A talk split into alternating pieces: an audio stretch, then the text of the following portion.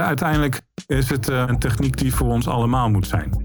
En niet voor een specifiek bedrijf of bedrijfstak. Hè. Het is automatisering van productie, dat gaat ons allemaal aan. Want uh, op die manier kunnen we echt de waarde van 3D-printen, dus de belofte van 3D-printen, kunnen we waarmaken. dus dat we lokaal kunnen produceren, dat we efficiënter kunnen produceren, dat we sneller kunnen produceren, dat we on-demand kunnen produceren en dat we vormvrijheid hebben. Maar om de kosten zo laag mogelijk te houden, moet je daar wel voor automatiseren. Je hebt zojuist geluisterd naar een fragment van mijn gesprek met Dennis Lievering. Dennis is marketingmanager bij AM Flow, dat gespecialiseerd is in het post-production proces dat hoort bij 3D-printen. Ik ben bij Dennis te gast in de vestiging op de Brainport Industrie Campus in Eindhoven. En Dennis heeft een demonstratie gegeven wat de machines van AM Flow zoal kunnen. En dat is echt indrukwekkend. We praten niet alleen over 3D-printen en het post-production proces dat daarbij hoort, maar we praten ook over het scannen van producten en artificial intelligence om dat proces telkens te verbeteren. Kortom, een zeer dynamisch gesprek met interessante onderwerpen en ik was geboeid vanaf het begin tot het einde. Dus pak een kop koffie, thee of een glas water, zodat je het gesprek helemaal kan luisteren. Deze podcastserie hoort bij het project QRM 4.0 dat zich richt op mensgerichte procesinnovatie en innovatieve digitale technologieën. De mensgerichte procesinnovatie wordt ook wel Quick Response Manufacturing genoemd. En innovatieve digitale technologieën worden ook wel aangeduid met Industrie 4.0.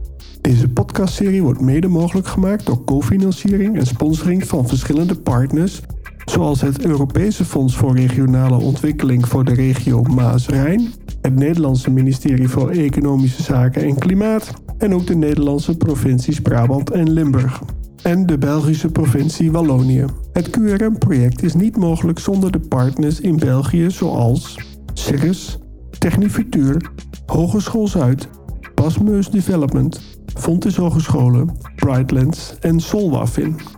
Mijn naam is Ronald Scheer en ik wens je veel plezier bij het luisteren naar mijn gesprek met Dennis Lievering. Vandaag is mijn gast aan tafel Dennis Lievering. Welkom Dennis. Goeiedag Ronald. Dennis, voor degene die jou niet kent, uh, kun je kort vertellen wie je bent en wat je doet? Zeker. Allereerst wil ik je hartelijk bedanken voor deze uitnodiging. Ik vind het erg leuk om in je podcast uh, te spreken. Ik ben grote fan van podcast. Ik ben Dennis Lievering, ik ben 48 jaar en ik werk sinds 2007 met additive manufacturing technologieën. Ik heb een hele bijzondere historie, want ik ben eigenlijk van oorsprong ben ik goudsmid. En ik was op zoek als goudsmid naar moderne technieken om nog makkelijker, nog beter, nog sneller te kunnen produceren. Nou, als je het hebt over een, een traditionele beroepsgroep, goudsmeden, sieradenindustrie, dan is dat best wel een overwinning. Maar uiteindelijk is het tot wat ik nu ben en uh, vind ik het heel erg leuk om over deze technologieën te praten. Dus jouw opleiding uh, en historie ligt in Schoonhoven? Mijn oorsprong ligt in Schoonhoven, ja, inderdaad, ja. Ja, daar heb ik de opleiding edelsmeden gedaan en daar ben ik in aanraking gekomen met het vak van, goudsmeden.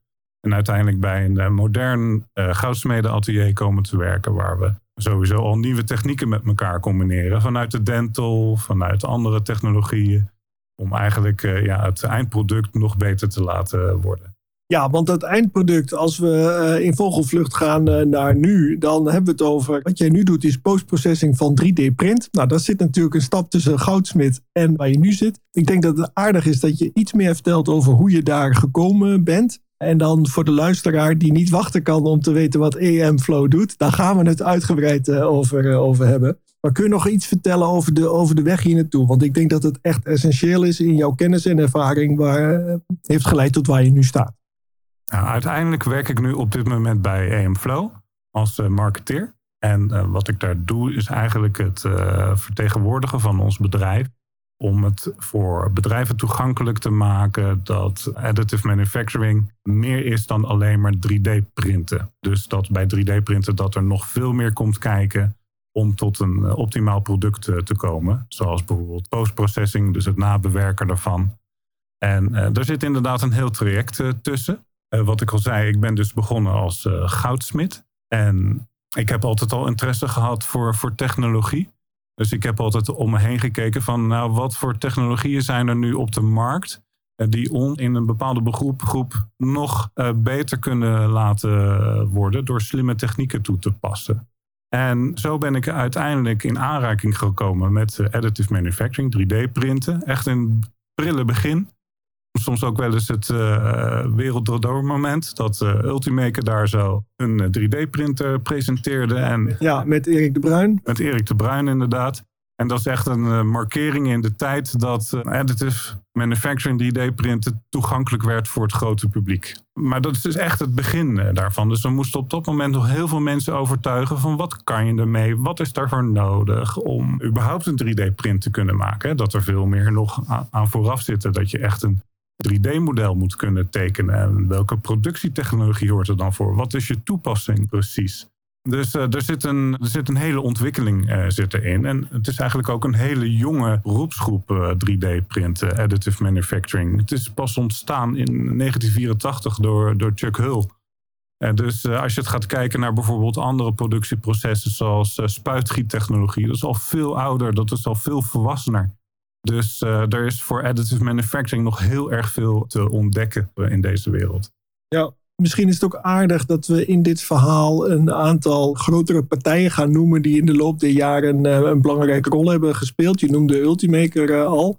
En misschien is het ook aardig om wat spelers te noemen waar je misschien niet direct bij betrokken bent, maar dat we wel een, een soort beknopt zicht op de markt geven. Bijvoorbeeld een 3D Systems was op een gegeven moment heel, heel groot. Misschien nog wel. Ik zit er niet zo heel direct mee op. Want dat heeft, al die partijen die, die, die zijn belangrijk voor wat je nu doet bij uh, eh, EM Flow.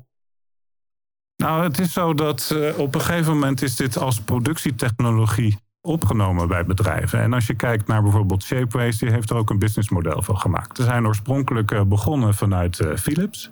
En ze zijn in eerste instantie begonnen als portal, internetportal, om overproductie bij andere bedrijven te kunnen vullen. Dus uh, je stuurde daar je modelletje naartoe. En Shapeways zorgde ervoor dat die modellen geproduceerd werden. Nou, uiteindelijk is dat een, een, bedrijf geworden, een heel groot bedrijf internationaal, wat vele honderden modellen uh, produceert. Je kunt je voorstellen, nou, als je eerst met een 3D-printer begint en er komen 10 modellen uit, dan is dat nog heel goed te handelen. En dan kun je heel goed identificeren van oké, van welke klant is dat? Of wat moet ermee gedaan worden? Maar uiteindelijk, als je dan je businessmodel aan het vergroten bent en je bent echt honderden modellen per dag aan het uh, produceren, ja, dan moet je ook gaan kijken naar hoe je dus de organisatie na het 3D-printen inricht. Want op dit moment is het nog heel erg gefocust op van hoe moet ik ontwerpen, welke materialen zijn er, welke productietechnieken zijn er, wat is mijn toepassing. En al die materialen worden beter, die materialen worden goedkoper, de printers worden sneller, goedkoper. Maar uiteindelijk, alles wat er uit zo'n printer komt, moet wel met de hand moet dat bewerkt worden. Het moet gesorteerd worden, schoongemaakt worden. Van wie is zo'n model? Wat moet er nog meer mee gedaan worden? Dus een stukje track and trace wat erbij komt uh, kijken. Ja, toen ik een paar jaar geleden voor het eerst bij Shapeways op bezoek ben geweest in, uh, in Eindhoven. Dat was op de oude locatie. Ze zijn vervolgens uh, verhuisd. Daar zag ik al enorme machines staan met die, die grote poederprinters. Waar dan inderdaad lieten ze ook zien waar je digitaal komen de de orders binnen. Vervolgens gaan ze dat optimaliseren om die bak zo goed mogelijk te vullen. En daarna wordt die bak leeggekieperd, schoongemaakt. En vervolgens ging dat, zeg maar, het logistieke gedeelte in. En er waren echt heel veel mensen die daar eh, mee aan het werken waren. Ik denk dat jullie daar ook op eh, focussen, toch? Ja, en het grappige is eigenlijk ook als je kijkt naar uh, wat voor type werknemers er bij zulke organisaties werken. Ook als je kijkt bijvoorbeeld bij BMW of bij bij andere grote manufacturers. Dat zijn allemaal uh, vaak hoogopgeleide werknemers hè, die een universitaire technische studie hebben gedaan. Ja, die heel veel aan de voorkant, hè, dus met het design bezig zijn geweest, met het opleiden van de printers, met de productie daarvan. Maar uiteindelijk, zij worden ook ingezet om handmatige handelingen te doen. Dus het sorteren, wat eigenlijk ja, niet zo leuk is als je hoge opleidingen hebt gevolgd. Het is een gevolg van het produceren. Maar eigenlijk wil je die mensen het werk laten doen waar ze voor opgeleid zijn. Wat ze leuk vinden om te doen, waar ze een passie voor hebben, waar ze hun energie uithalen. Ja, dat is uiteindelijk toch het ontwerpen, het design, bezig zijn met de technologie. En daarom is het belangrijk om eh, een stuk automatisering in te voeren. Ja, als we kijken naar dat uh, ontwerpen, Ik heb wat ervaring met SolidWorks. En in de bos zit een mooi bedrijf, Katmes, waar ik goede contacten mee heb. Jij denk ik ook. Zeker. Werk je alleen met SolidWorks of werk jij zelf ook met, met andere 3D-tekenpakketten? Zelf maakt het mij eigenlijk niet uit met wat voor 3D-tekenpakket je werkt. Waar het om gaat is een stukje design thinking. Hè? Dus uh, welk gereedschap je daarvoor gebruikt, dat is denk ik een persoonlijke keuze. Dus dat kan SolidWorks zijn, Autodesk, uh, Siemens NX, uh, Rhino. Zelf ben ik een grote fan van Rhino, omdat je daar toch heel veel service modeling mee kan doen. Je creativiteit in, in kwijt kan. Maar uiteindelijk kan het ook gewoon met een online configurator zijn. Als je creativiteit er maar in kwijt eh, kan. En ja, je hebt wel wat technische kennis nodig. Dus eh, een, een gemiddelde consument is geen prosument. Hè? Een consument wil dingen kopen. Dus uiteindelijk eh, zie ik niet zo dat de consument echt veel eigen designs maken. Maar ja, voor het bedrijfsleven is het wel van essentieel belang dat je de juiste tooling kiest om je producten te kunnen ontwerpen en om daar ook mee te kunnen produceren. Ja, ik denk trouwens dat wat jij nu zegt, is volgens mij precies de reden waarom er nu niet op elke keukentafel een 3D-printer staat van Ultimaker, want dat kan. Zo'n desktop printer kan iedereen thuis hebben, of elke straat kan er eentje hebben. Dat is niet zo, maar dat ligt, zit volgens mij daar in de kern.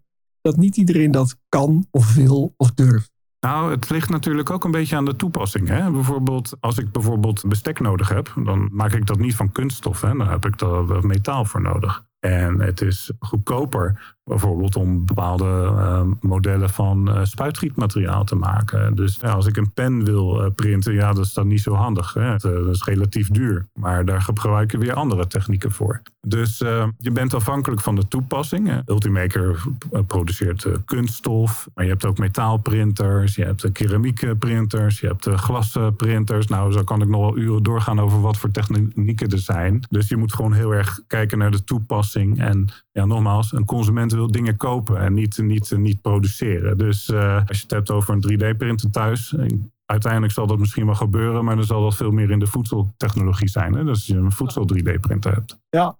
Ja, eh, in Nederland is ook een voedselprinter ontwikkeld door eh, Frits Hof en zijn, en zijn zoon. Ja, ja, ja. Erg leuk. Erg leuk. Maar we hebben het nu niet over de consumentenmarkt. We zitten natuurlijk heel erg in de, in de business-to-business markt. Als je kijkt naar die hele bedrijfskolom, uh, waar, waar, jullie jezelf in hebben gemanoeuvreerd. Misschien is het leuk om uh, te vertellen wat je meest recente succes is. Want dat is een reden waarom we weer met elkaar in contact zijn gekomen. Bij Oceans hebben jullie een, ja, een van jullie uh, oplossingen neergezet. Zeker, ja. Nou ja, wij richten ons heel erg dus op productiebedrijven die met additive manufacturing werken, met 3D-printen. En dat zijn uh, bedrijven die van origine 3D-printtechnologie hebben geïnvesteerd en die steeds verder groeien. Nou, ik had al een stukje verteld over dat je de stap na het 3D-printen moet automatiseren. Want uh, manueel modellen behandelen, dat is gewoon heel erg arbeidsintensief. Hè? En hoe meer modellen je hebt, stijgen ook de, de, de kosten. Hè? Dus de arbeidskosten stijgen dan. Ja, wat je vertelde, wat onder andere bij Shapeways in het begin. Ja, ja bijvoorbeeld, maar ook bij Oceans. Hè. Dus uh, hoeveel uh, handmatige processen je hebt, uh, dat wil je reduceren om eigenlijk de kostprijs zo laag mogelijk te houden voor de eindklant. Voor wie Oceans niet kent? Nou, Oceans is een 3D-printbedrijf in Ede. En uh, zij produceren voor de medische sector, voor uh, de B2B-markt. En dat doen ze zowel nationaal als uh, internationaal. Oké, okay, zij hebben gekozen voor jullie oplossing? Ja, ze hebben gekozen voor onze oplossing. Omdat ze zien als ze willen groeien, dat dat geautomatiseerd moet worden. Dus we zijn al in een vroeg stadium met elkaar in gesprek gekomen. En hebben ook mede samen dit ontwikkeld. Te kijken van oké, hoe werkt dat nu? Wat kunnen we optimaliseren? En welke stappen kunnen we nemen om deze technologie nog beter te kunnen laten werken? En is Oceans eh, de eerste klant waar jullie, uh, was dat jullie first launching customer? Nee, we hebben een aantal launching customers. Dat is onder andere BMW. En dat is Midwest Prototyping in, in Amerika. En ze hebben als doel een paperless office. Dus dat er geen papierwerk meer aan te pas komt. Dus dat alles geautomatiseerd uh, wordt. Uh, zodat er dus uh, alles digitaal is om beter het proces in de gaten te houden. En ook gewoon ja, controle te hebben over je hele productieproces. Nu denk ik dat veel luisteraars in, een MKB, in het MKB werkzaam zijn. En niet per se in de high-end automotive of high-end mega grote industrie. Dus ik zou het fijn vinden als we in, het vervolg van dit gesprek eens gaan focussen op wat is nou voor kleinere bedrijven interessant aan de oplossing die jullie uh, gemaakt hebben. En misschien kun je eens wat ja, jouw visie schetsen op productiebedrijven die je kent. En, en hoe dat dan uh, voor die bedrijven aantrekkelijk is om met jullie in zee te gaan. Nou, laten we het uh, wat algemeen houden. Hè. Stel, je bent, een, uh, je, bent in de opstartfase van een bedrijf. Je hebt een, voor jezelf een businessmodel. En je denkt van, ik wil heel graag... Ik zie in de markt dat er steeds grotere behoefte is aan mass customization. Dus dat je dus producten ontwikkelt die gepersonificeerd moeten worden. Dus dat het persoonlijk is voor de eindgebruiker. En je wil graag de markt bedienen door heel eenvoudig, uh, snel en accuraat modellen te kunnen produceren. En dat doen ze met 3D-printtechnologie. Nou is het zo dat je een 3D-printer kan kopen.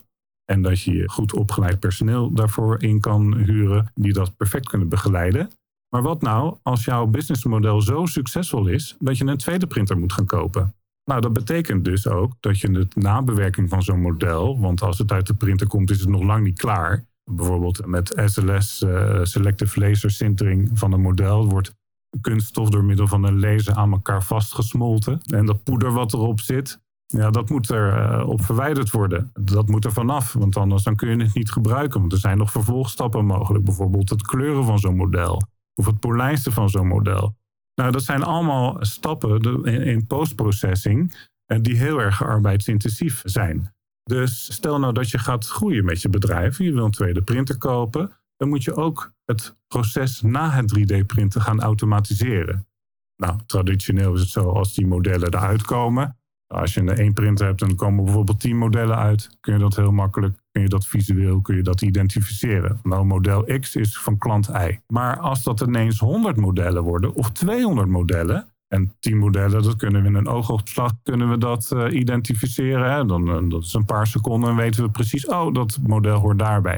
Maar als het 100 modellen zijn, nou, dan kan het wel uh, een halve minuut duren tot een minuut. Om te kijken van welk onderdeel hoort nou bij welke klant. Want er kunnen hele minimale verschillen kunnen erin zitten.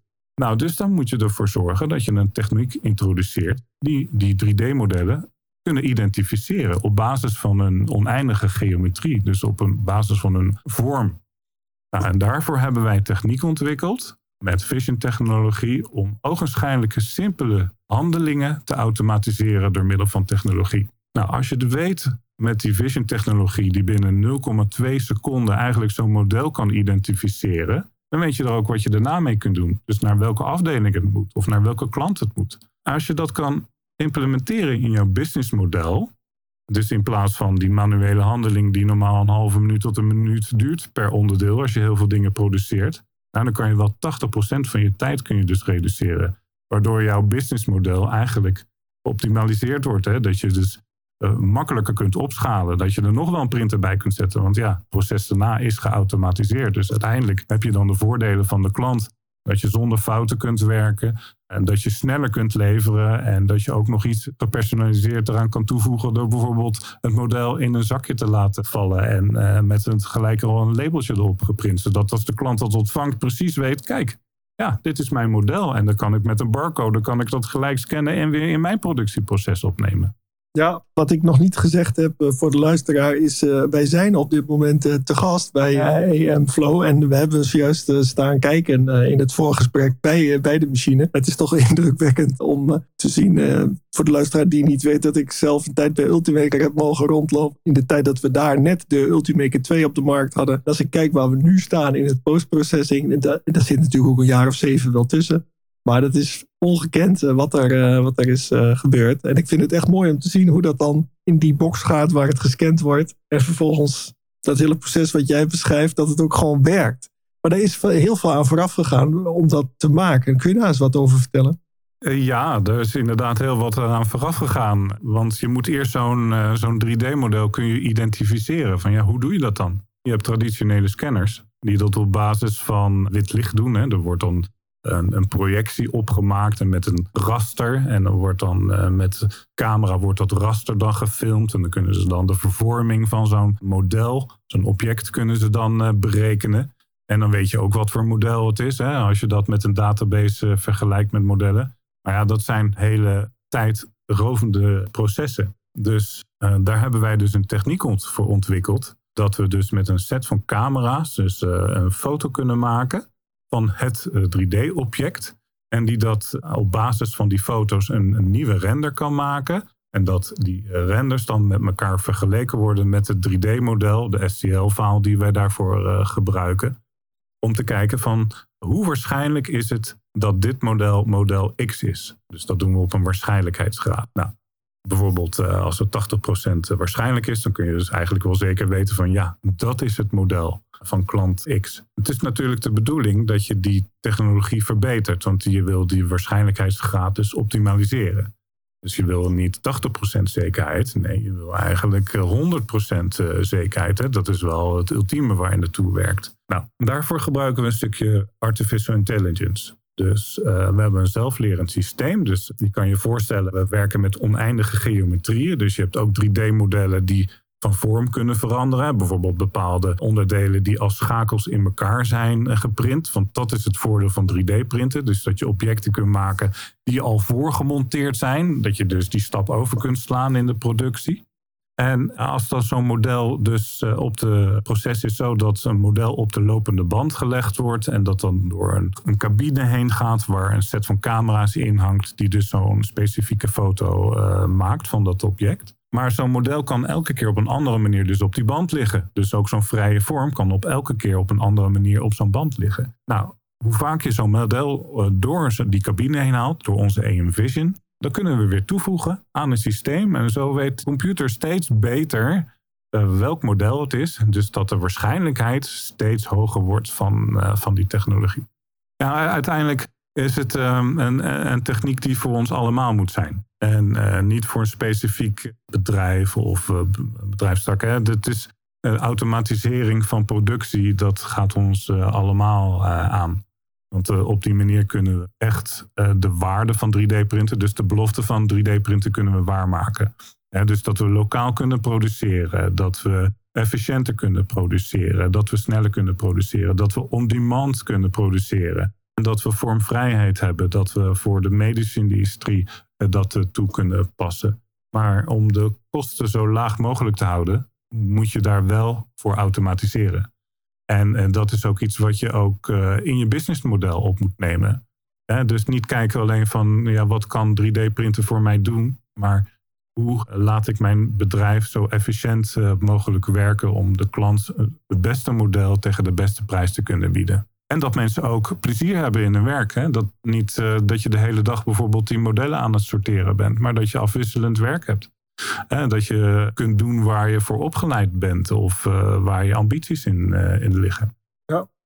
Nu was ik eh, recent op bezoek bij een bedrijf die maken verschillende vormen metalen, schroefjes, boutjes, moertjes. Um, maar die moesten op een gegeven moment ook gekleurd worden. Daardoor waren ze, ze een bepaalde schittering. Dus, en vervolgens moest die nog wel gesorteerd worden. Dus het probleem waar mijn studenten bij Fontes Engineering voor geplaatst werden was die producten van dat bedrijf, die komen op een lopende band aan. Dan moeten vervolgens, uh, het was op een UR3 gemonteerd met een, uh, met een uh, gripper en vision. En dan moest die scanner moest gaan herkennen welk object is het. Maar dat was lastig, want sommige objecten waren vies met een laagje olie. Ze waren in verschillende kleuren. Groen en rood hadden ze bedacht dat dat extra lastig zou zijn. En dat was nog een hele klus. hebben jullie ook met dit soort problemen te maken? Ja, zeker. Absoluut. Hè. Um, in principe gaan wij ervan uit dat het model schoon is. Dus uh, dat zijn batchprocessen die ervoor zorgen dat een model eerst schoon is. Dan heb je het optimale resultaat. Maar we hebben ook te maken met kleuren. We hebben ook te maken met verschillende materialen. Dat kan een kunststof zijn, dat kan een metaal zijn, dat kan een half doorzichtig uh, model zijn. En dat zijn inderdaad ook uitdagingen voor ons om te overkomen. Dus uh, wij richten ons nu echt op, op de grootste groep. Hè. Dat zijn de, de selective laser sintering eh, modellen. En dat kan in alles verschillende kleuren zijn. En daar is onze database op. En ook met het self-learning uh, systeem dat we daar steeds beter in worden. Absoluut. Ja, als je het hebt over je richt je op de groep. Misschien is het aardig om nog eens bedrijfstakken te noemen voor wie dit interessant kan zijn. Zonder bedrijfsnamen. Nou ja, sowieso waar het interessant voor is zijn bedrijven die uh, additive manufacturing 3D printen binnen hun productieprocessen hebben opgenomen. Dat kan een automobielbedrijf zijn, bijvoorbeeld BMW, die ook bepaalde onderdelen toepast. Ford, die heeft bijvoorbeeld een, een case dat voor een bepaald land moesten ze een specifiek onderdeel moesten ze vervangen omdat er een, een, bepaalde codering om moest staan voor de wetgeving binnen dat land. En voor een bepaalde afstelling. Ik ken de technische gegevens niet. In ieder geval, waar het, uh, waar het op neerkwam, is dat ze eigenlijk voor, voor een beperkt aantal uh, producten. Zouden ze eigenlijk een nieuw spuitgietmatrijs moeten maken. Nou, zo'n spuitgietmatrijs, dat, is echt, dat zijn gigantische kosten die eraan gekoppeld zijn.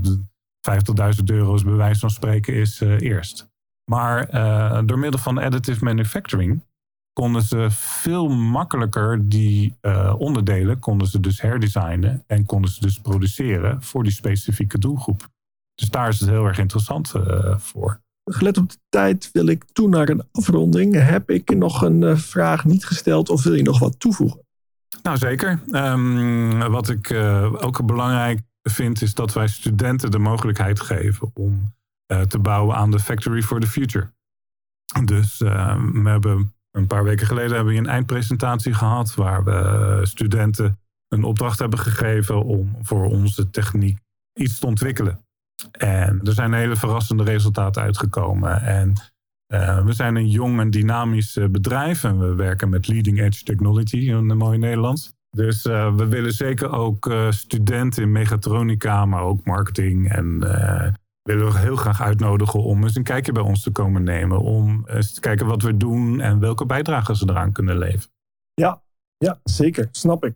Juist niet-technische studenten zou je eigenlijk willen motiveren om hier eens te komen kijken. Om te laten zien dat de techniek weliswaar wat moeite kost om je erin te verdiepen. Maar als je dat eenmaal hebt gedaan en die drempel over bent gegaan, zoals ik zelf ook letterlijk, hè, ik heb aan de Universiteit Twente heb ik toegepaste onderwijskunde gestudeerd. Als je eenmaal die drempel overgaat en je je durft naar die techniek te kijken, gaat er toch letterlijk een wereld voor je open. En ik denk dat met name die studenten, die zeker ook bijvoorbeeld economie, want het business case is hier nogal van belang.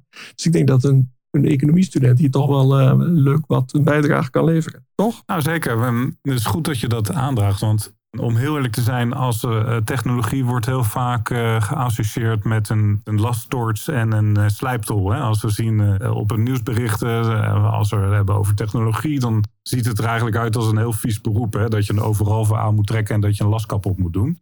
En dat het gevaarlijk is. En ja, dat is een heel traditioneel denken. Terwijl techniek eigenlijk veel meer inhoudt. Hè? Dus ja, heel veel datamodellen, uh, algoritmes die berekend moeten worden, designoplossingen, lateraal denken. Hè? Dus ook vanuit een heel ander perspectief uh, kijken naar uh, ontwikkelingen. Wat doet het voor een markt, voor een industrie? Wat doet het voor sustainability?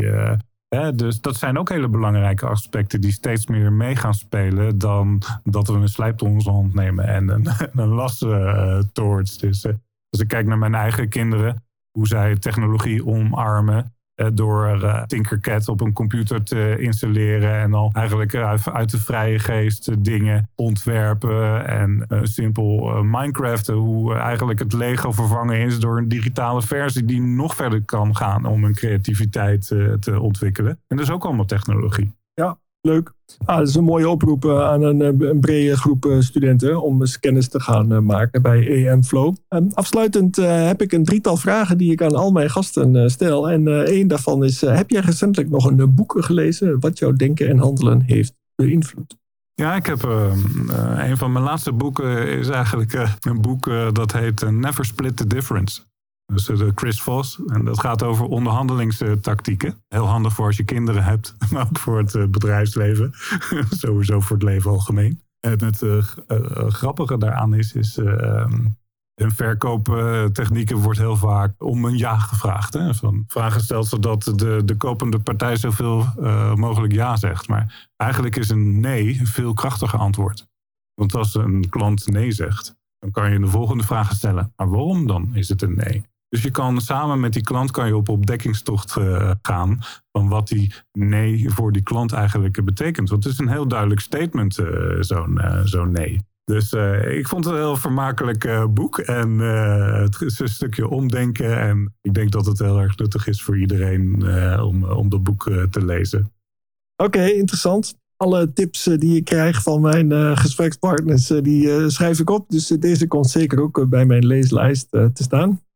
De volgende vraag die ik altijd stel: welke podcast of podcastserie luister jij? Ja, wel heel divers eigenlijk. De technoloog van BNR, daar luister ik heel graag naar, Ben van den Burg. Die snijden heel veel technische projecten aan, ook over 3D-printen, maar ook over Microsoft, Google, moderne technieken. Dus dat vind ik uh, leuk om naar te luisteren. is heel uh, afwisselend. Maar ook uh, Additive Snack van, van EOS vind ik leuk. De TCT Magazine heeft ook een aantal podcasts over additive manufacturing. Universiteit van Nederland is heel erg leuk om naar te luisteren. Dus ja, ik wandel heel graag. Dus dan gaat mijn koptelefoon op en dan gaan de podcasts op. En ja, er zit ook af en toe een podcast van jou tussen, Ronald. Dus dat was niet de reden waarom ik de vraag heb gesteld. Hè? Maar dankjewel, ik hoor dat natuurlijk uh, heel graag. En uh, de laatste vraag is, uh, in deze podcastserie over dit onderwerp, over Industrie 4.0, over Quick Response Manufacturing, over Mass Customization, wie zou jij, je mag meerdere mensen noemen, wie zou jij graag eens willen horen in deze podcastserie? Wat ik heel gaaf zou vinden is als je eens een keer een podcast kan houden met 24-7 Tailored Steel. Dat is een bedrijf wat onderdelen, waar je onderdelen, metalen onderdelen kunt eh, bestellen. Bijvoorbeeld uh, plaat en uh, constructies. Wat, en zij hebben een hele proces gedigitaliseerd. En ze hebben een hele moderne productiehal neergezet met, met planten en bloemen. Dus een hele fijne werkomgeving. Maar alles is daar geautomatiseerd. En mensen staan in de rij om voor dat bedrijf te werken omdat het zo goed georganiseerd is en er is een prettige werksfeer. Mensen die werken daar met heel erg veel plezier. En zij proberen elke keer de volgende stap uh, proberen ze te nemen in automatisering. Uh, dus het zou heel gaaf zijn als je hun eens een keer voor een podcast uh, uit zou kunnen nodigen. Oh, wauw. Ja, als je het zo brengt, dan, dan, dan, wil iedereen wel met die partijen in gesprek. Goh, nou, is er afsluitend nog iets wat je wil toevoegen? Heb ik nog wat gemist? Nou, we zouden hier uren over door kunnen praten. En het is uh, best wel complexe materie uh, waar we het over hebben. Dus ik kan me heel goed voorstellen dat het moeilijk is te visualiseren wat we nu eigenlijk precies doen. Dus ik zou zeggen van als je echt geïnteresseerd bent in ons, kom eens naar de Brainport Industry Campus in, in Eindhoven. Neem eens contact op met AM Flow. bekijk ons YouTube kanaal. Er staan wat leuke video's staan daar. Maar neem contact met ons op. En ehm, we gaan met, met elkaar in gesprek. Yes, yes. Uh, info at am-flow.com. Heel goed, ja. En anders uh, Dennis Lievering uh, op LinkedIn. Daar kun je natuurlijk ook altijd... Zeker. Van harte welkom. Leuk, super bedankt voor dit gesprek. Graag gedaan. Vond het erg leuk om te doen. Ja. Wat is je eerste reactie naar aanleiding van dit gesprek? Ja, ik vind het gewoon heel erg leuk om over te praten. Dus, uh, ja, dat blijkt.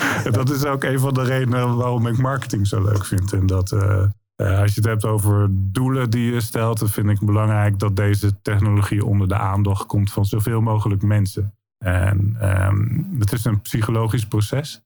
En dat duurt, als je iets nieuws ziet, dan duurt dat even voordat je dat een plaatje kan geven. In je gedachten, maar zeker ook in je, in je productie. In je, in je denkwijze van hoe moet ik een productie opzetten. Dus Daarom vind ik het belangrijk om dit soort dingen te doen en met elkaar erover te praten en om samen te kijken hoe je zoiets nu nou, tot een hoger plan kan, uh, kan brengen. Ja, ja, wat je in het voorgesprek ook al noemde, is dat sommige uh, productiemanagers die weten wel te noemen dat ze welk type 3D-printers ze zouden willen hebben. Maar vervolgens, als je dan gaat praten over het businessmodel, het postprocessing en hoe kan je dan de laagste prijs per onderdeel, of de hoogste kwaliteit per onderdeel misschien wel. Ik weet niet precies hoe jij het had geframed, maar dat, dat mensen daar nog een beetje in het donker tasten. En dat is precies waar, waar, waar jullie sterk in zijn. Nou zeker, maar dat komt ook omdat uh, dat zo organisch gegroeid is. Een, een bedrijf uh, wat uh, zich laat informeren over de nieuwe technologie ja, die komen heel snel bij uh, CAD-CAM technologie uit. En uh, dan hebben ze een eerste 3D-printer hebben ze gekocht. En uh, dat willen ze optimaliseren. En daar is heel veel voor beschikbaar. En er is heel veel software is daarvoor beschikbaar.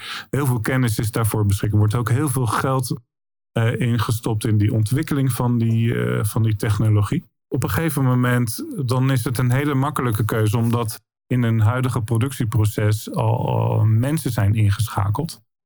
Dus om extra mensen erbij neer te zetten. Want ja, die kennis is zo'n huis. Dus het is makkelijker dan om weer mensen op te leiden. die dan hetzelfde werk gaan doen. Waardoor je denkt dat je je productie op kan schalen.